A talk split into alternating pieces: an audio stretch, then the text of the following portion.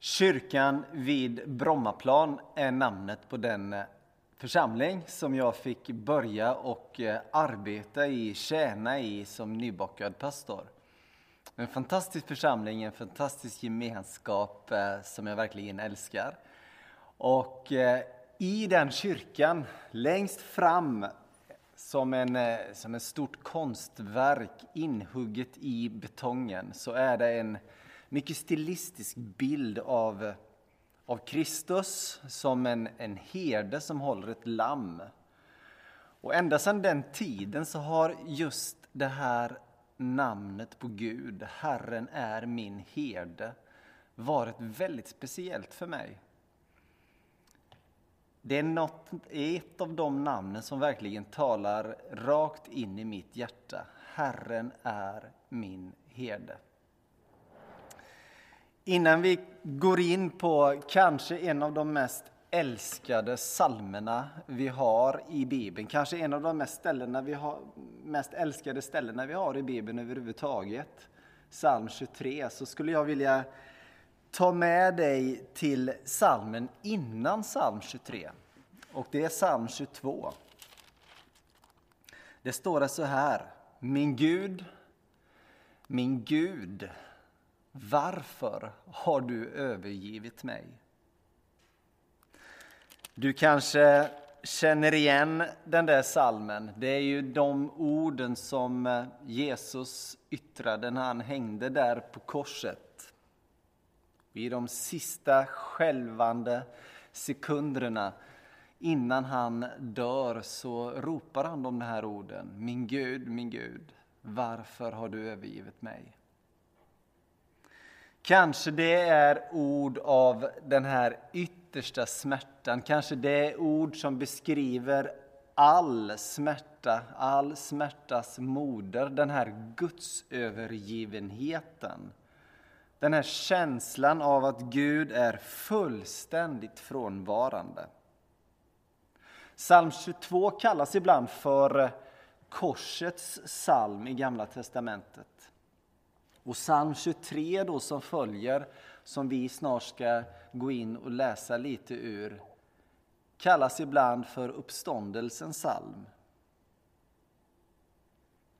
Så jag tror inte att det är någon slump att de här två psalmerna hör ihop faktiskt. Jag tror på något sätt att psalm 23 vill för oss visa vilket liv vi har efter korsets mysterium, korsets verklighet, korsets händelse.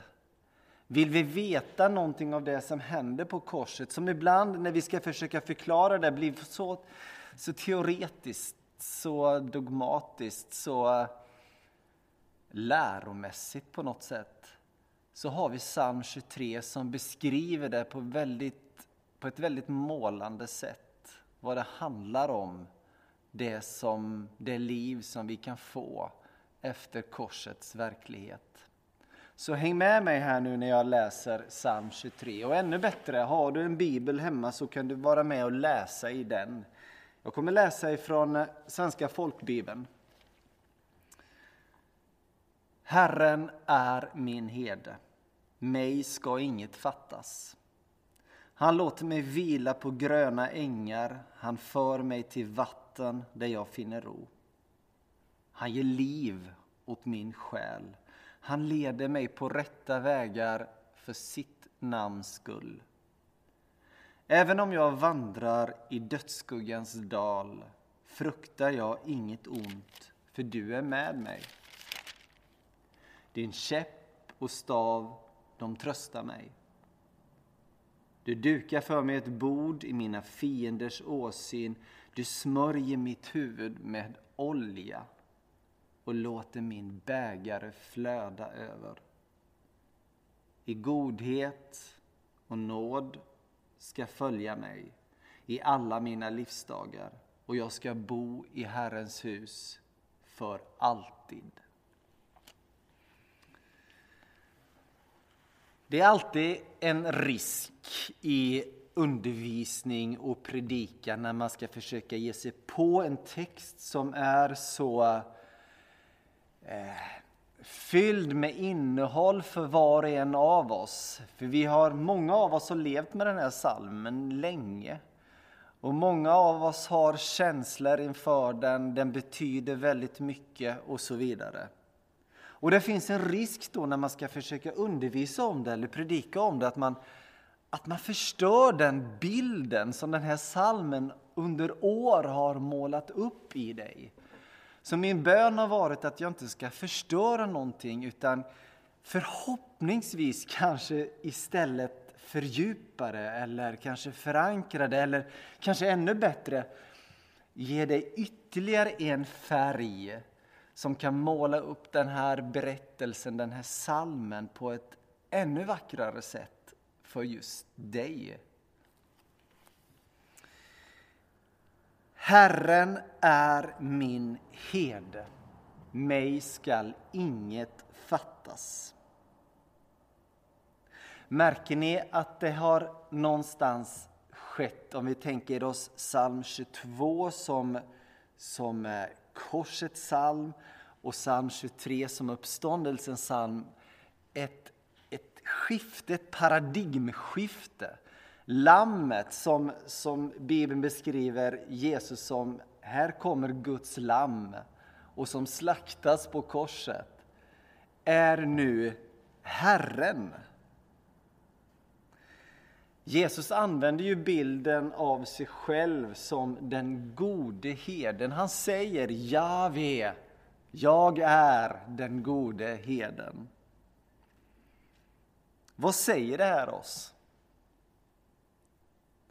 För det första så tror jag att just den här bilden, jag är den gode herden, eller Herren är min herde, vill för evigt måla upp den klaraste och den vackraste bilderna för dig att Gud är en god Gud. Punkt. Han är som en god herde som månar, som sköter om och som bara vill väl. Det finns ingen herde som vill sina får någonting ont. Men vi har också en Gud som mitt i det här herdeskapet också kallas Herren är min herde. Samtidigt som han är min herde så är han också min Herre. Ni vet, hon den här kvinnan som var den första människan som kom till den tomma graven på påskdagen. Hon hette Maria Magdalena. När hon först talade om och talade med Jesus så talade hon om honom och till honom som Rabuni, min mästare, min lärare, min undervisare. Men när hon har sett den tomma graven, när hon har sett den uppståndne Jesus så, så springer hon tillbaka till lärjungarna. Och så säger hon Jag har sett Herren. Så, så Bibeln håller ihop det här. Jag är den gode herden, men vi ser också att det här är Herren. Och jag tror att vi behöver hålla ihop de här bilderna. Gud är våran herde, han är den som har omsorg, han är den som har den här, ni vet, kärleken som bara vill hålla lammet i sin famn. Är också Herren som påkallar vår, vår tillit, som söker vår tillförsikt, som söker också våran lydnad. För jag tror att Hamnar vi bara i diket hos en av de här bilderna, herde eller herre, så hamnar vi fel. Men när de här hålls ihop, då börjar vi närma oss den sanning som jag tror att Gud vill föra oss in i. Att Herren är min herde. Jag måste få dela med mig av en bild, en historia. Jag, jag hörde den för en massa år sedan och jag har nog berättat den flera gånger förut i kyrkan. Här, för jag tycker den är så bra och det tål faktiskt att påminna sig om den. Och det är en berättelse från eh, Israel en busslast med turister som åker omkring i Israel och reseguiden är så exalterad vid ett tillfälle. En, en troende guide som har med sig massa människor. Och utanför bussfönstret så ser man en, en herde som går och vallar får år 2015 i Israel. Och den här guiden kan ju då inte låta bli utan han börjar nästan att predika för folket i bussen som säger Fattar ni? Det här, det här, det här är en bild på våran Gud. Och så berättar han om hur herden hela tiden går framför fåren och fåren bara följer herden. För fåren vet att dit herden går, där är det som bäst för oss. Vi vill följa herden. Och så säger han att det är alltid så. Herden gör alltid på det här sättet. Då bussen rullar vidare och han är exalterad över det som han har fått berätta. Och som man bara åkt ett antal minuter så ser man ytterligare en skock får. Och bakom den här fåren så ser man en människa som också ser ut som en herde, men som har sin käpp, precis som en herde, men går och puttar på fåren och nästan slår efter fåren. Och det började skrattas lite i bussen och sa den där bilden stämmer ju inte, är det där en herde verkligen? Och guiden han stannar bussen och säger vi måste stanna här för så går han ur bussen och så går han fram och så börjar han prata. Efter många år i Israel så har han lärt sig att prata hebreiska. Och han pratar med herden och han kommer in i bussen igen. Och så säger han med ett leende på läpparna. Du, det där, det där var ingen herde, det var slaktaren. En slaktare är någon som går och pushar på sina får, men en herde är den som går före och fåren följer med för de vet att det är det bästa. Det, det är den bilden tror jag som vi ska ha med oss när vi vet att Gud är en god Gud. Och när han talar som Herre så är det för att han vet vad det bästa är för oss. Ingenting ska fattas mig. Ibland så upplever jag att detta är ett jättesvårt ord i vår tid. För vi lever ju i en tid som är så extremt girig, extremt egoistisk på så många olika plan. Och vi ska ständigt ha mer. Vi ska ständigt ha större. Vi ska ständigt ha fler. Det är faktiskt så det ofta ser ut bland oss människor i vår västvärld idag. Och då höra att inget ska fattas mig, så kan det vara någonting som spär på den tanken. Men jag tänker lite grann så här att när vi har börjat följa den här heden som vet det bästa för oss så blir det också ett skifte i den tanken. Det infinner sig någonting att ingenting som fattas mig gör att jag kan känna mig ganska nöjd med det jag har. Inte någon slags liknöjdhet med saker som är, men jag är nöjd med det jag har. Och någonstans så i den här texten så är det som om psalmisten försöker få oss att förstå att när vi har begripit hur god Gud är och han är min herde och ingenting ska fattas mig så är jag ganska nöjd med det.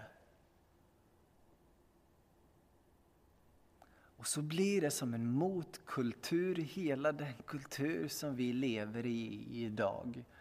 2020 i västvärlden. Han låter mig vila på gröna ängar och han för mig till vatten där jag finner ro. Jag måste få läsa det igen. Lyssna nu. Han låter mig vila på gröna ängar. Han för mig till vatten där jag finner ro. Hör du? För mig är det här en poetisk skönhet, en poetisk kraft som kommer fram i texten. Som, som på något sätt fyller hela mitt inre med ett sånt välbehag. Så jag behöver inte fundera på det här ordet nöjd eller inte. Jag bara känner, Herre, Gud är gott att vara. Det berör mig på djupet. Och det berör mig på ett sånt sätt som jag tror att, att varenda 2000-tals människa i hela vår värld behöver höra. Att få komma dit någonstans där jag kan få finna ro, där jag kan få finna vila, där det är gott att vara.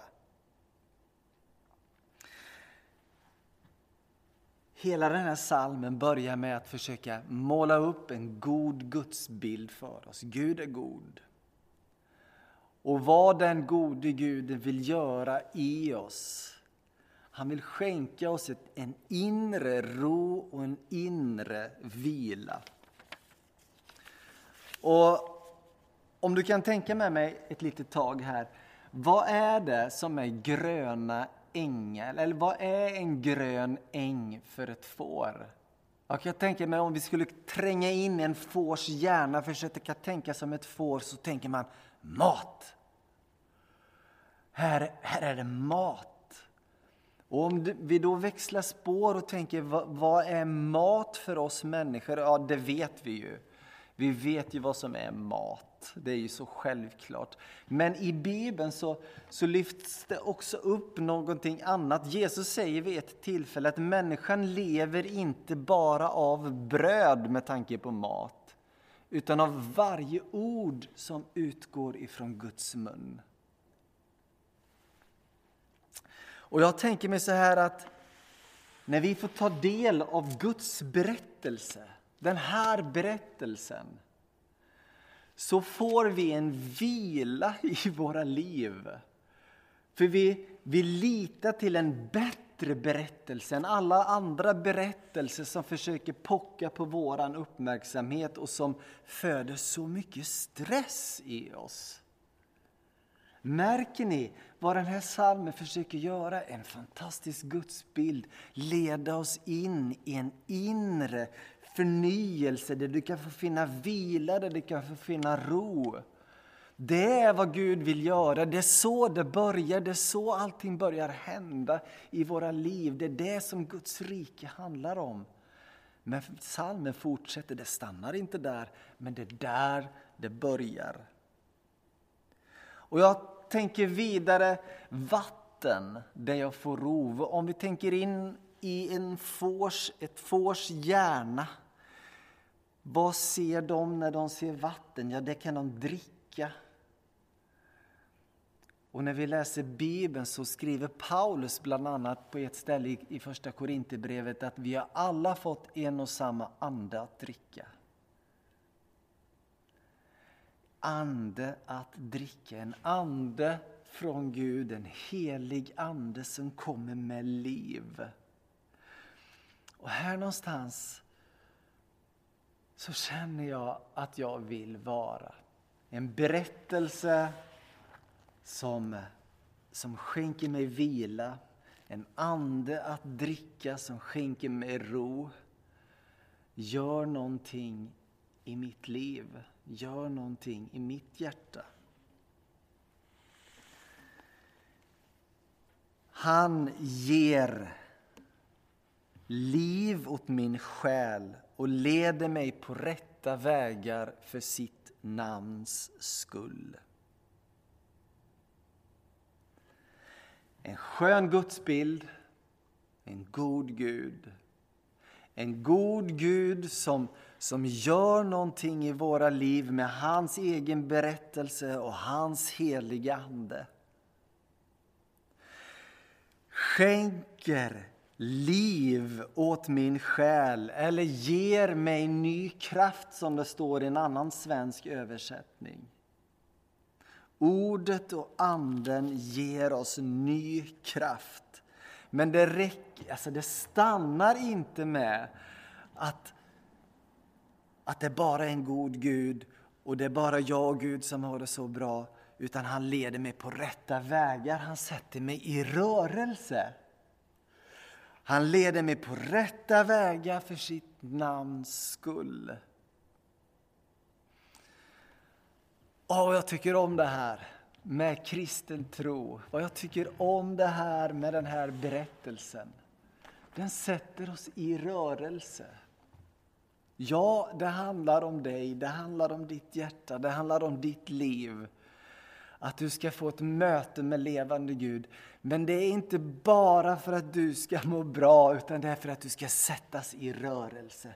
Sättas på bättre vägar i ditt liv.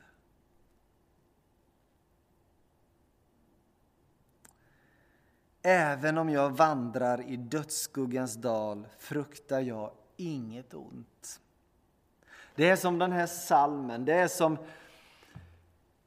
ropar ut. Det är som den här salmen ropar ut, precis som Jesus ropar ut, precis som Paulus ropar ut, precis som apostlarna ropar ut och precis som martyrer i hela kyrkans historia har ropat ut. Låt dig inte luras bara för att du kommer till tro, bara för att du har fått slå, slå, slå följe med Jesus, bara för att du har fått fått din själ förnyad med ny kraft i mötet med levande Gud. Och bara för att han har satt dig på rätt väg och att du har börjat att gå så innebär det inte att ditt liv är problemfritt. Det innebär inte att du slipper gå genom mörka dalar. Men det innebär en sak. Och det är att man inte behöver frukta i den mörka dalen. Jag tror det är så viktigt att vi har med oss det. Vi kommer aldrig bli erbjudna en räkmacka i livet på det här sättet. Men vi kommer att bli erbjudna en Gud som lovar att vara med oss hela tiden. Även om jag vandrar i dödsskuggans dal fruktar jag inget ont. Ty du är med mig, din käpp och stav beskyddar mig. Gud har lovat att vara med. Och ni vet, livet är mörkt ibland. Oj, och jag vet om det. Och ibland är det svårt att se att Gud är med. Ibland så ser jag det inte. Men vet ni, vid ett sånt här tillfälle, bara för ett antal veckor sedan, så uttryckte jag det för en vän som är med här i församlingen. Och denna min underbara vän i församlingen sa så här till mig, men Peter, du kanske kan se att Gud är med genom oss. Och ni vet, det där satte sig i mitt hjärta. Och jag tackar Gud för den här gemenskapen. Jag tackar Gud för alla mina bröder och systrar här i kyrkan. För det är ett sånt stöd i livet. Du dukar ett bord för mig i mina fienders åsyn. Och Det här är kanske ett språkbruk som vi inte riktigt är vana vid. Kan man ha fiender som kristen? Är det inte då tänkt att man ska vara vän med alla? Och vad menas med det här att du, Gud, dukar ett bord för mig i mina ovänners åsyn? Jag funderade så här när jag läste det. Vad händer om vi vänder på det här och utifrån evangeliet tittar på det? Då står det bland annat så här att vänskap med världen betyder fiendeskap med Gud. Du kan inte tjäna både Gud och mammon, det är en omöjlighet. Det står också i Nya testamentet att när vi har fått se att Gud är god och vi har fått, vi har fått se den här förvandlingen, förnyelsen i våran själ och vi har börjat sättas på den här vägen som är den bästa vägen, där vi tar del av en bättre berättelse, så är vi kallade att vara ett salt och ett ljus. Och ni vet, ett salt kan ibland svida när det hamnar på såriga ställen. Och ett ljus kan ibland vara väldigt enerverande och jobbigt när man har varit i mörker ett långt tag. Och jag tänker så här att en tillrättalagd, tyst och foglig kyrka som inte vågar sticka ut och vara obekväm i ett orättfärdigt samhälle knappast skaffa sig några fiender. Och samtidigt som en sån tyst och grå och försagd kyrka inte attraherar. Men nu till det här med att, att, att Herren förbereder och dukar ett bord för oss i våra ovänners åsyn eller fienders åsyn. Bilden själv talar ju om en strid, men samtidigt så skevar ju bilden. Där dukas det ett bord som jag tänker mig för gemenskap och fest. Så även om vi i efterföljelsen och gemenskapen med Gud gör oss obekväma, vilket jag tror vi ska göra i ett orättfärdigt samhälle, så gör vi oss inte obekväma för att vara obekväma. Det är inte det som är intressant. Men när vi gör det så har vi alltid ett mål och det är att få duka upp det här bordet. Vi vill inte strid, vi vill gemenskap. Vi vill ha festen. Vi vill duka upp och umgås, sitta ner, prata, äta tillsammans. Du smörjer mig. Du smörjer mitt huvud med olja och fyller min bägare till bredden eller låter min bägare flöda över som jag tycker är mycket bättre. Att smörja någons huvud med olja har flera betydelser. Bland annat handlar det om en välkomstgest. När man smörjer någons huvud med olja som kommer till en så säger man du är välkommen här. Tänk, tänk att Gud gör det med oss. Tänk att Gud gör det med oss smörjer vårt huvud med olja. Du är välkommen. Du är så välkommen här. Och samtidigt så också är det också en bild på att man, man smörjer någons huvud med olja. Det gör man på en präst, det gör man på en profet i det gamla testamentets tradition. Vilket betyder att, att när vi har fått se att Gud är en god Gud när vi har fått smaka den förnyelse i vår själsliga djup av ro och frid. När vi har satts på den där vägen som är en bättre väg utifrån en bättre berättelse. Så är vi präster där vi ber för människor vi möter, där vi ber för våran stad, där vi ber för folk som vi inte möter. För vi är kallade att välsigna. Vi är kallade att göra gott.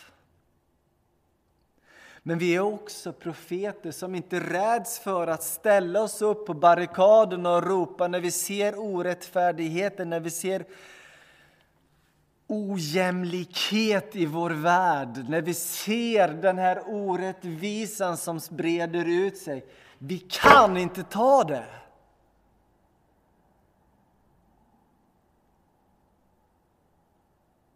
Präster och vi är profeter.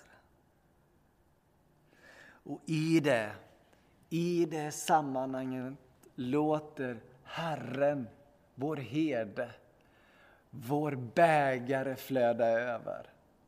Det är liksom den yttersta bilden Alltså, du, du blir inte en efterföljare, du blir inte den som får ta emot allt detta från Gud bara för din egen del, utan det flödar över.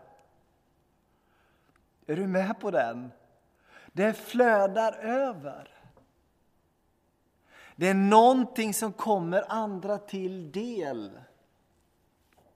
Vi blir välsignade för att välsigna. Alltså det här är en, för mig en revolution. Och, och jag längtar efter att Guds folk över hela vår värld skulle ställa sig upp utifrån psalm 23 och bara trycka på dess sanning och dess verklighet. Det här är ju fantastiskt. Det här är världsomvälvande. Din godhet och nåd ska följa mig varje dag i mitt liv. Vilken välsignelse, vilket löfte, vilk, vilken, vilket ah! Din godhet och din nåd ska följa mig. När Vi tar del av berättelsen, Guds berättelse över våra liv som är möjligt efter korset, efter uppståndelsen. Efter psalm 22 kommer psalm 23. Och Herrens hus, och jag ska bo i Herrens hus för alltid.